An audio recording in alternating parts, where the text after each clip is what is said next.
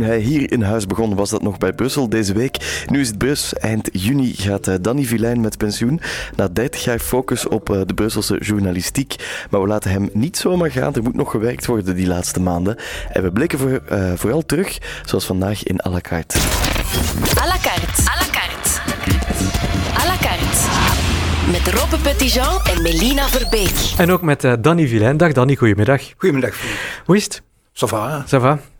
Ja, um, ja we, Robbe zei het al, 30 jaar journalistiek in Brussel, journalistiek over Brussel. Het is bijna gedaan. Hoe kijk je richting pensioen? Oh, ik... Het is een tijd van komen, het is een tijd van gaan. Hè. Mm -hmm, ja. Mm -hmm. je, je, bent er, je blijft er vrij rustig uh, gelaten bij. Ik blijf er rustig bij. Ik ben ook nog bezig met mijn studies, dus ik ga niet in een zwart gat vallen. Mm -hmm. Want anders had ik waarschijnlijk wel schrik gehad. Ja, ja, ja. Had ik geen vooruitzichten gehad.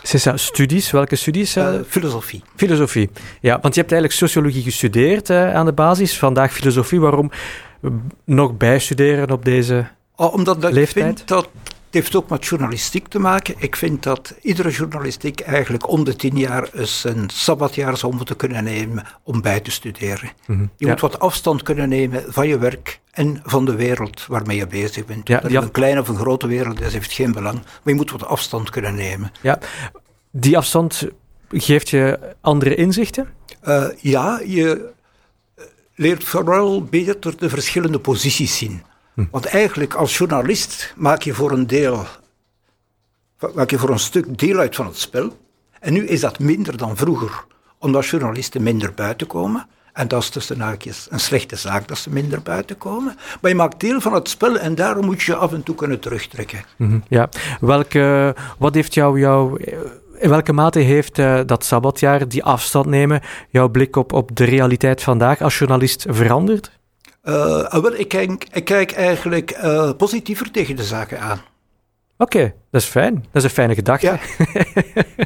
ja, had je zwarte gedachten anders? Nee, uh, nee het gaat niet over zwarte gedachten, maar eigenlijk dacht ik, ja, dat loopt fout en dat loopt fout en dat loopt fout. En dat loopt natuurlijk allemaal fout. Maar er gaan altijd dingen zijn die fout lopen, maar het geheel in Brussel is positief. Ja, heel positief? En, wat, wat, hoe bedoel je dan positief?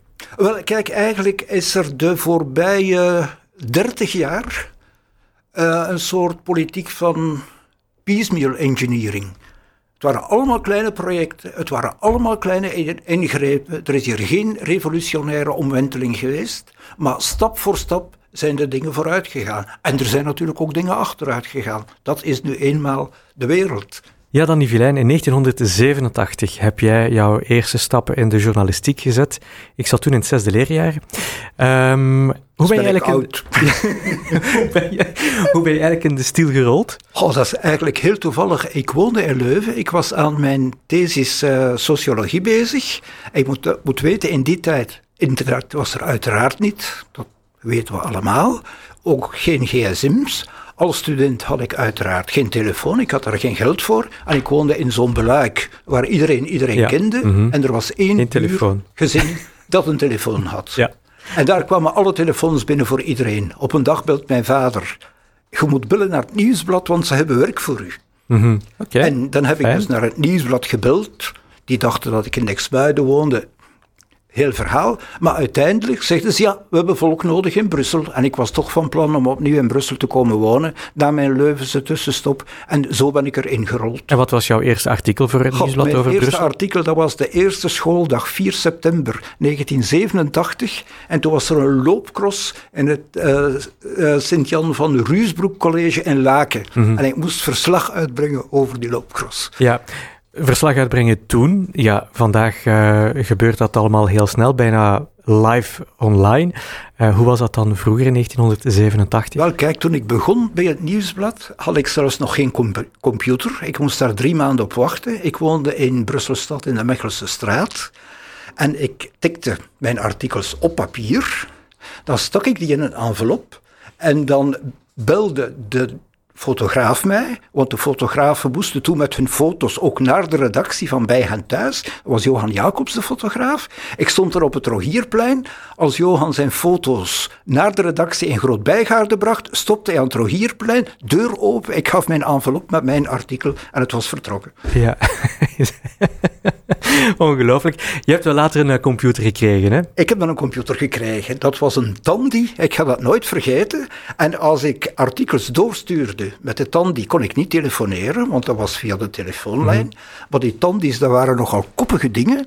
Af en toe moest ik dus mijn artikel klaar, Tandy op de grond leggen, alle woordenboeken erop en er bovenop gaan zitten. En dan geraakte het artikel allicht de grond bij. Ja, ja. en uh, wat voor een Brussel ben je dan eigenlijk beginnen werken? Wat was het Brussel van 1987? Wel, dat was eigenlijk heel gezapig.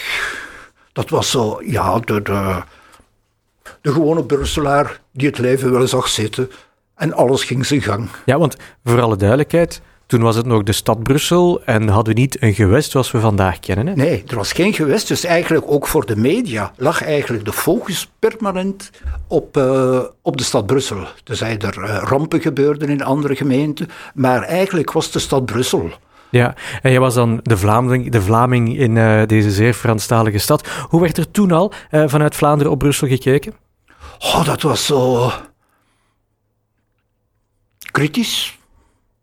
Kritischer dan vandaag? Uh, ja, nu is er minder aandacht, vind ik. In de tijd had je bijvoorbeeld, je had dus het laatste nieuws die een heel Brusselse krant was, maar je had ook bij de Standaard bijvoorbeeld een Guido Fontaine die zeer intensief uh, Brussel volgde. Natuurlijk, vandaag verschijnen er nog goede artikels in. Ah, ik denk aan de serie van Marion Justaert, ja, uh, Brusselse ja. Vrouw, wat een ja. prachtige serie is. Inderdaad. Maar het wordt niet meer zo gevolgd van dag tot dag. En er is eigenlijk een tendens in de journalistiek, dat geldt ook voor buitenlands nieuws. In de standaard kon je vroeger uh, de Catalaanse kwestie, laten we zeggen, van dag tot dag bijna volgen in de standaard.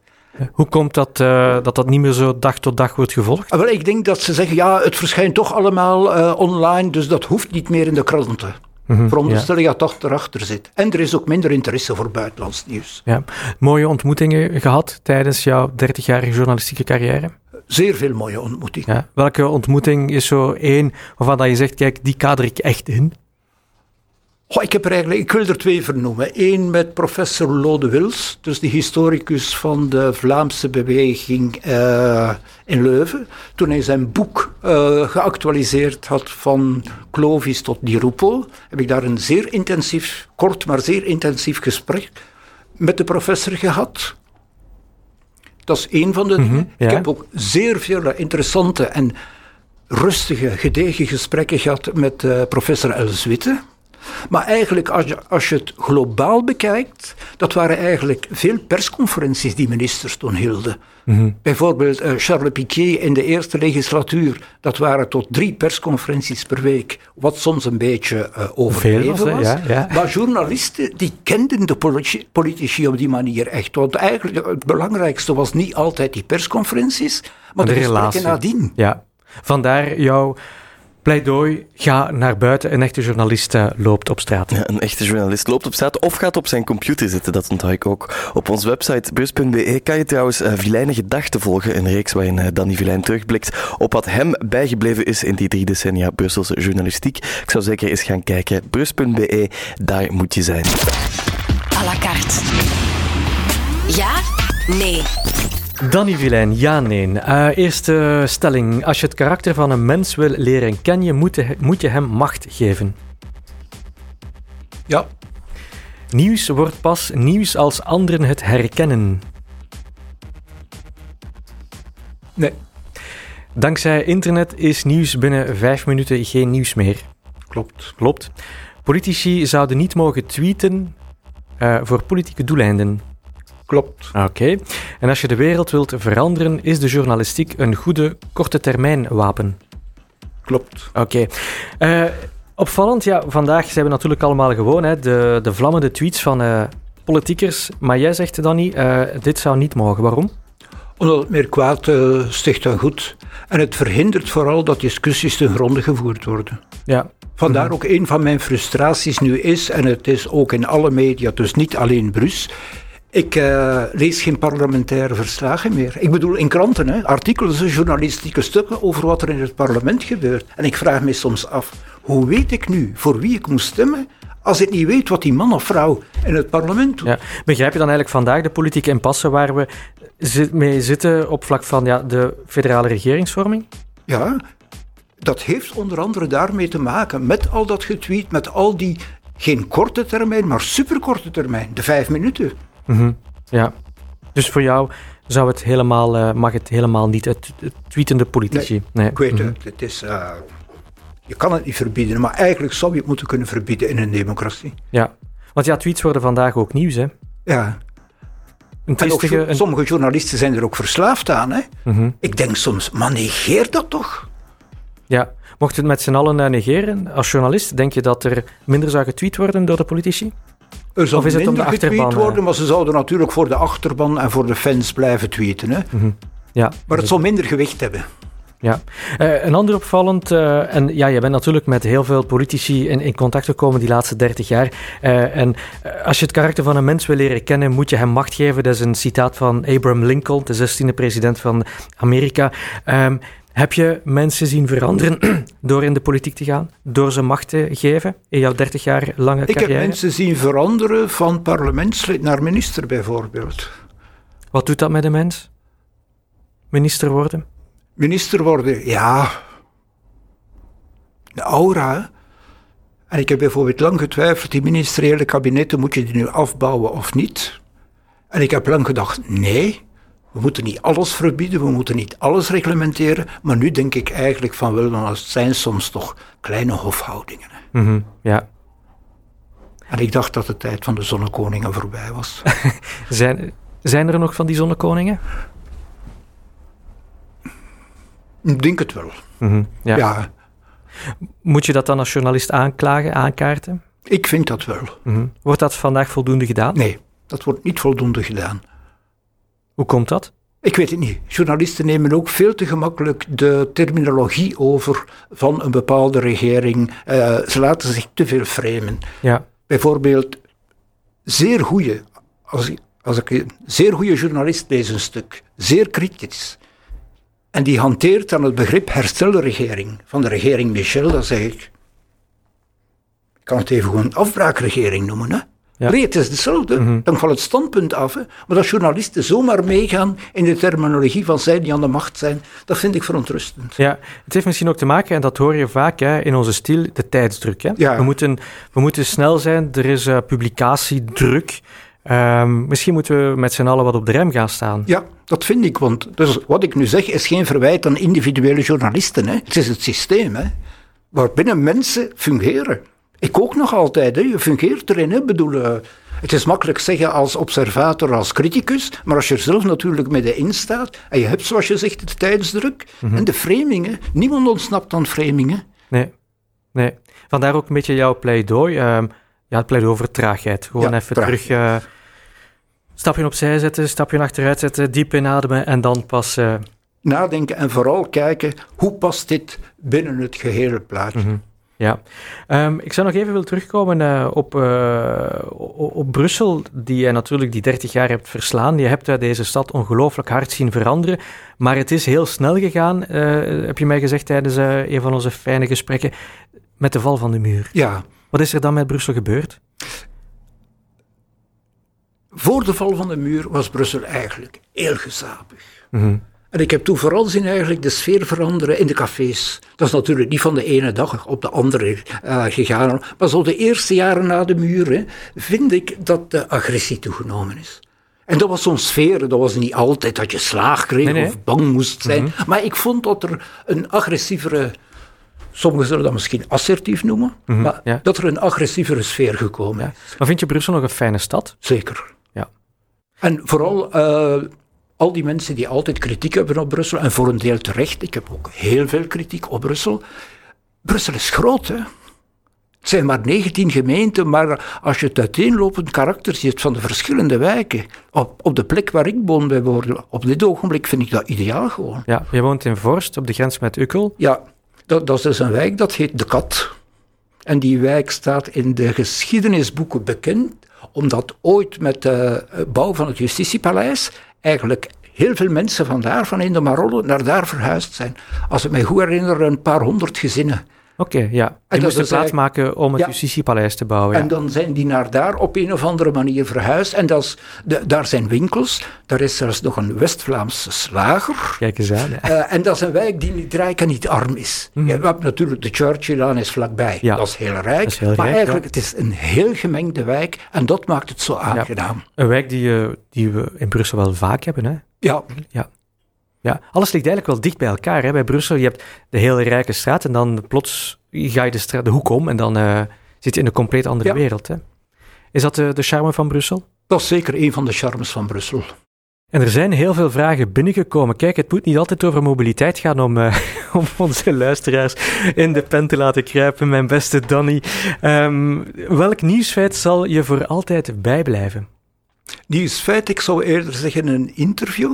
Mhm. En ik heb een paar jaar geleden Walter Benjamin geïnterviewd. En Walter Benjamin is een van de slachtoffers van de aanslagen in Brussel. Mhm. De man heeft daarbij een been verloren. Die had een boek geschreven. Ik ben hem gaan interviewen over zijn boek in zijn appartement. Hij woonde toen aan het eh, Lemmesplein. Eh, In Anderlecht? nee, eh, Nee. Plas. Nee, Elsene. Elsene. Hoe heet het? Sorry. Sorry, Ik ben even de naam van het plein Nee. kwijt. Maar eh, als ik daaraan terugdenk, dat troubleert mij nog altijd. Hm, ja. Je moet weten, die man die zat daar voor mij, was een been verloren. En die deed zijn verhaal over de aanslagen en wat er nadien allemaal gebeurd was, revalidatie en zo. En meestal als je een interview hebt, dat kan je troubleren.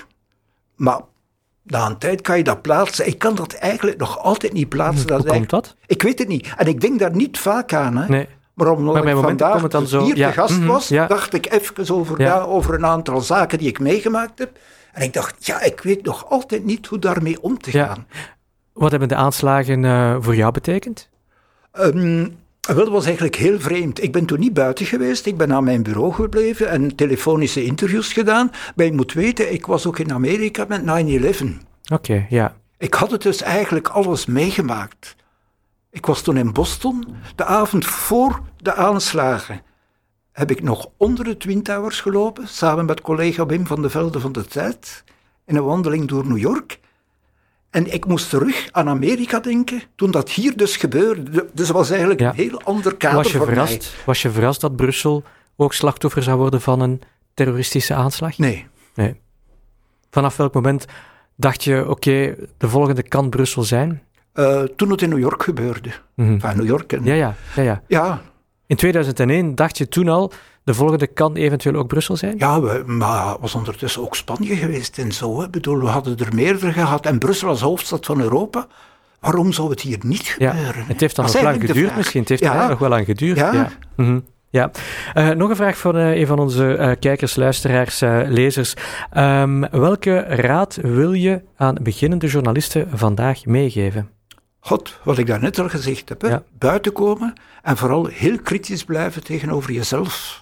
En je niet laten meeslepen door het discours van deze of gene. En dat is niet makkelijk. Ik heb mij ook soms laten Ja. meeslepen. Want we staan natuurlijk, als je buiten komt, en je komt ook vaker buiten, en je haalde het daar straks ook aan, en Charles Piquet gaf soms twee, drie persconferenties eh, per week, Ehm, ja, dan heb je natuurlijk een, een, een band met die mensen, sta je iets dichter bij die politici. Ehm, het feit dat we, als, zeker als lokale eh, journalisten, eh, regionale journalisten, dichter bij die politici staan, is het gevaar groter om, om ja, mee te gaan in de denkwereld, de, de, of minder kritisch te zijn voor Eh, Wel, dat werd eigenlijk gecorrigeerd. Waarom? Dus op die persconferenties waren altijd heel veel mensen, Franstalige journalisten, Nederlandstalige journalisten. En de contacten tussen Franstalige journalisten en Nederlandstaligen waren toen heel intens. Dus we corrigeerden eigenlijk een beetje elkaar. Ja, vandaag is die, zijn die contacten weg Die, tussen de Franstalige en Nederlandstalige omdat er ook geen journalisten. persconferenties meer zijn. En als je kijkt in het Brussels parlement, het is nu wel een tijd geleden dat ik er nog geweest ben, hoeveel journalisten volgen dat nog? Ik denk Belga. Ja, Gelukkig zit Belga ja, daar. ja. Maar voor de rest is het occasioneel. Ik heb 15 jaar aan een stuk bijna iedere parlementszitting bijgewoond. Hè. Mhm, ja. Misschien omdat er ook een minder interesse is van de lezers, de luisteraars. Televisiekijkers? Dat zou kunnen. En natuurlijk, je moet ook een beetje zeggen, de Misschien ook de eerste... kwaliteit van de debatten. Ja. Zijn die erop achteruit gegaan in de jaren? Goh, voor Brussel is dat moeilijk te zeggen. Waarom? Eh, de eerste zes jaar, want de eerste legislatuur heeft zes jaar geduurd, geen vijf jaar. Eh, er was niks in Brussel van wetgeving. Hè? Ja, dus, Dus dat waren, van ongemeen, dat waren echt ongemeen boeiende tijden. Hè? Ik Mhm. heb daar echt de jaren van mijn leven meegemaakt in het parlement. Met politieke discussies. Omdat de wetten moesten allemaal gemaakt worden. Mhm.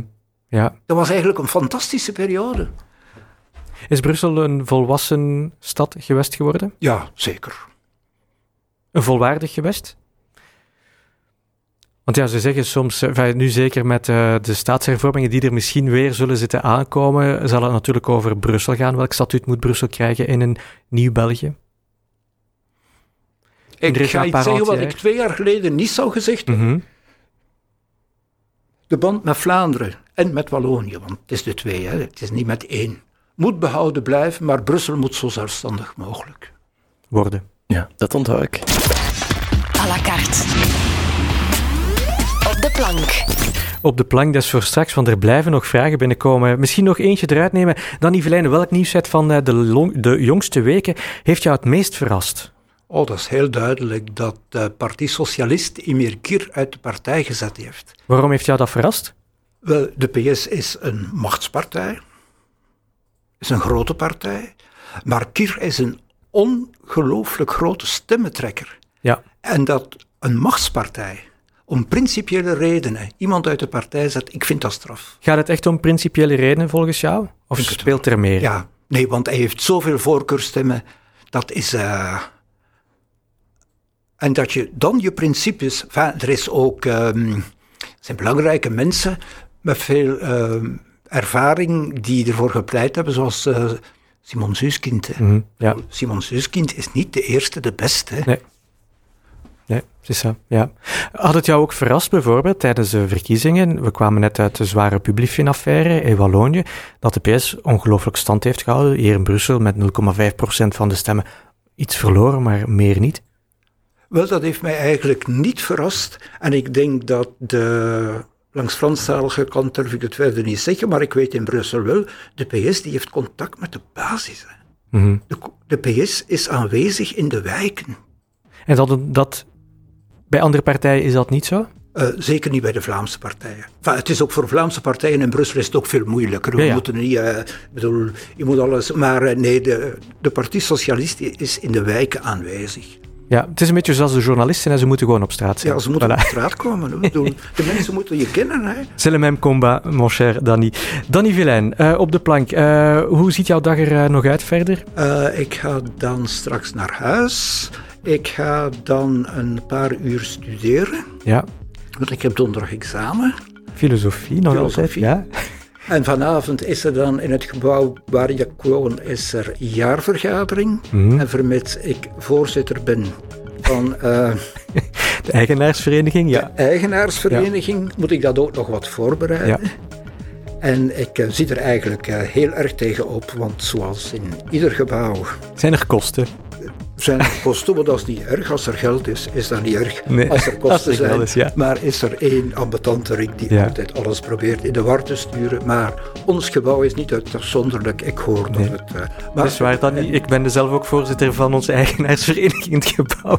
Ik weet het waarover je spreekt. Ehm, het is jouw laatste jaar filosofie. Volgend jaar moet je, moet je een thesis schrijven. Waar zal die dan over gaan? Over eh, linkspopulisme bij Chantal Mouffe. Ja, want die pleit voor een linkspopulisme, als ik Eh, het goed begrijp. Ja. linkspopulisme. Zij zegt met reden, met ratio, ga je eh, het rechtspopulisme niet, versla- niet verslaan. Mhm.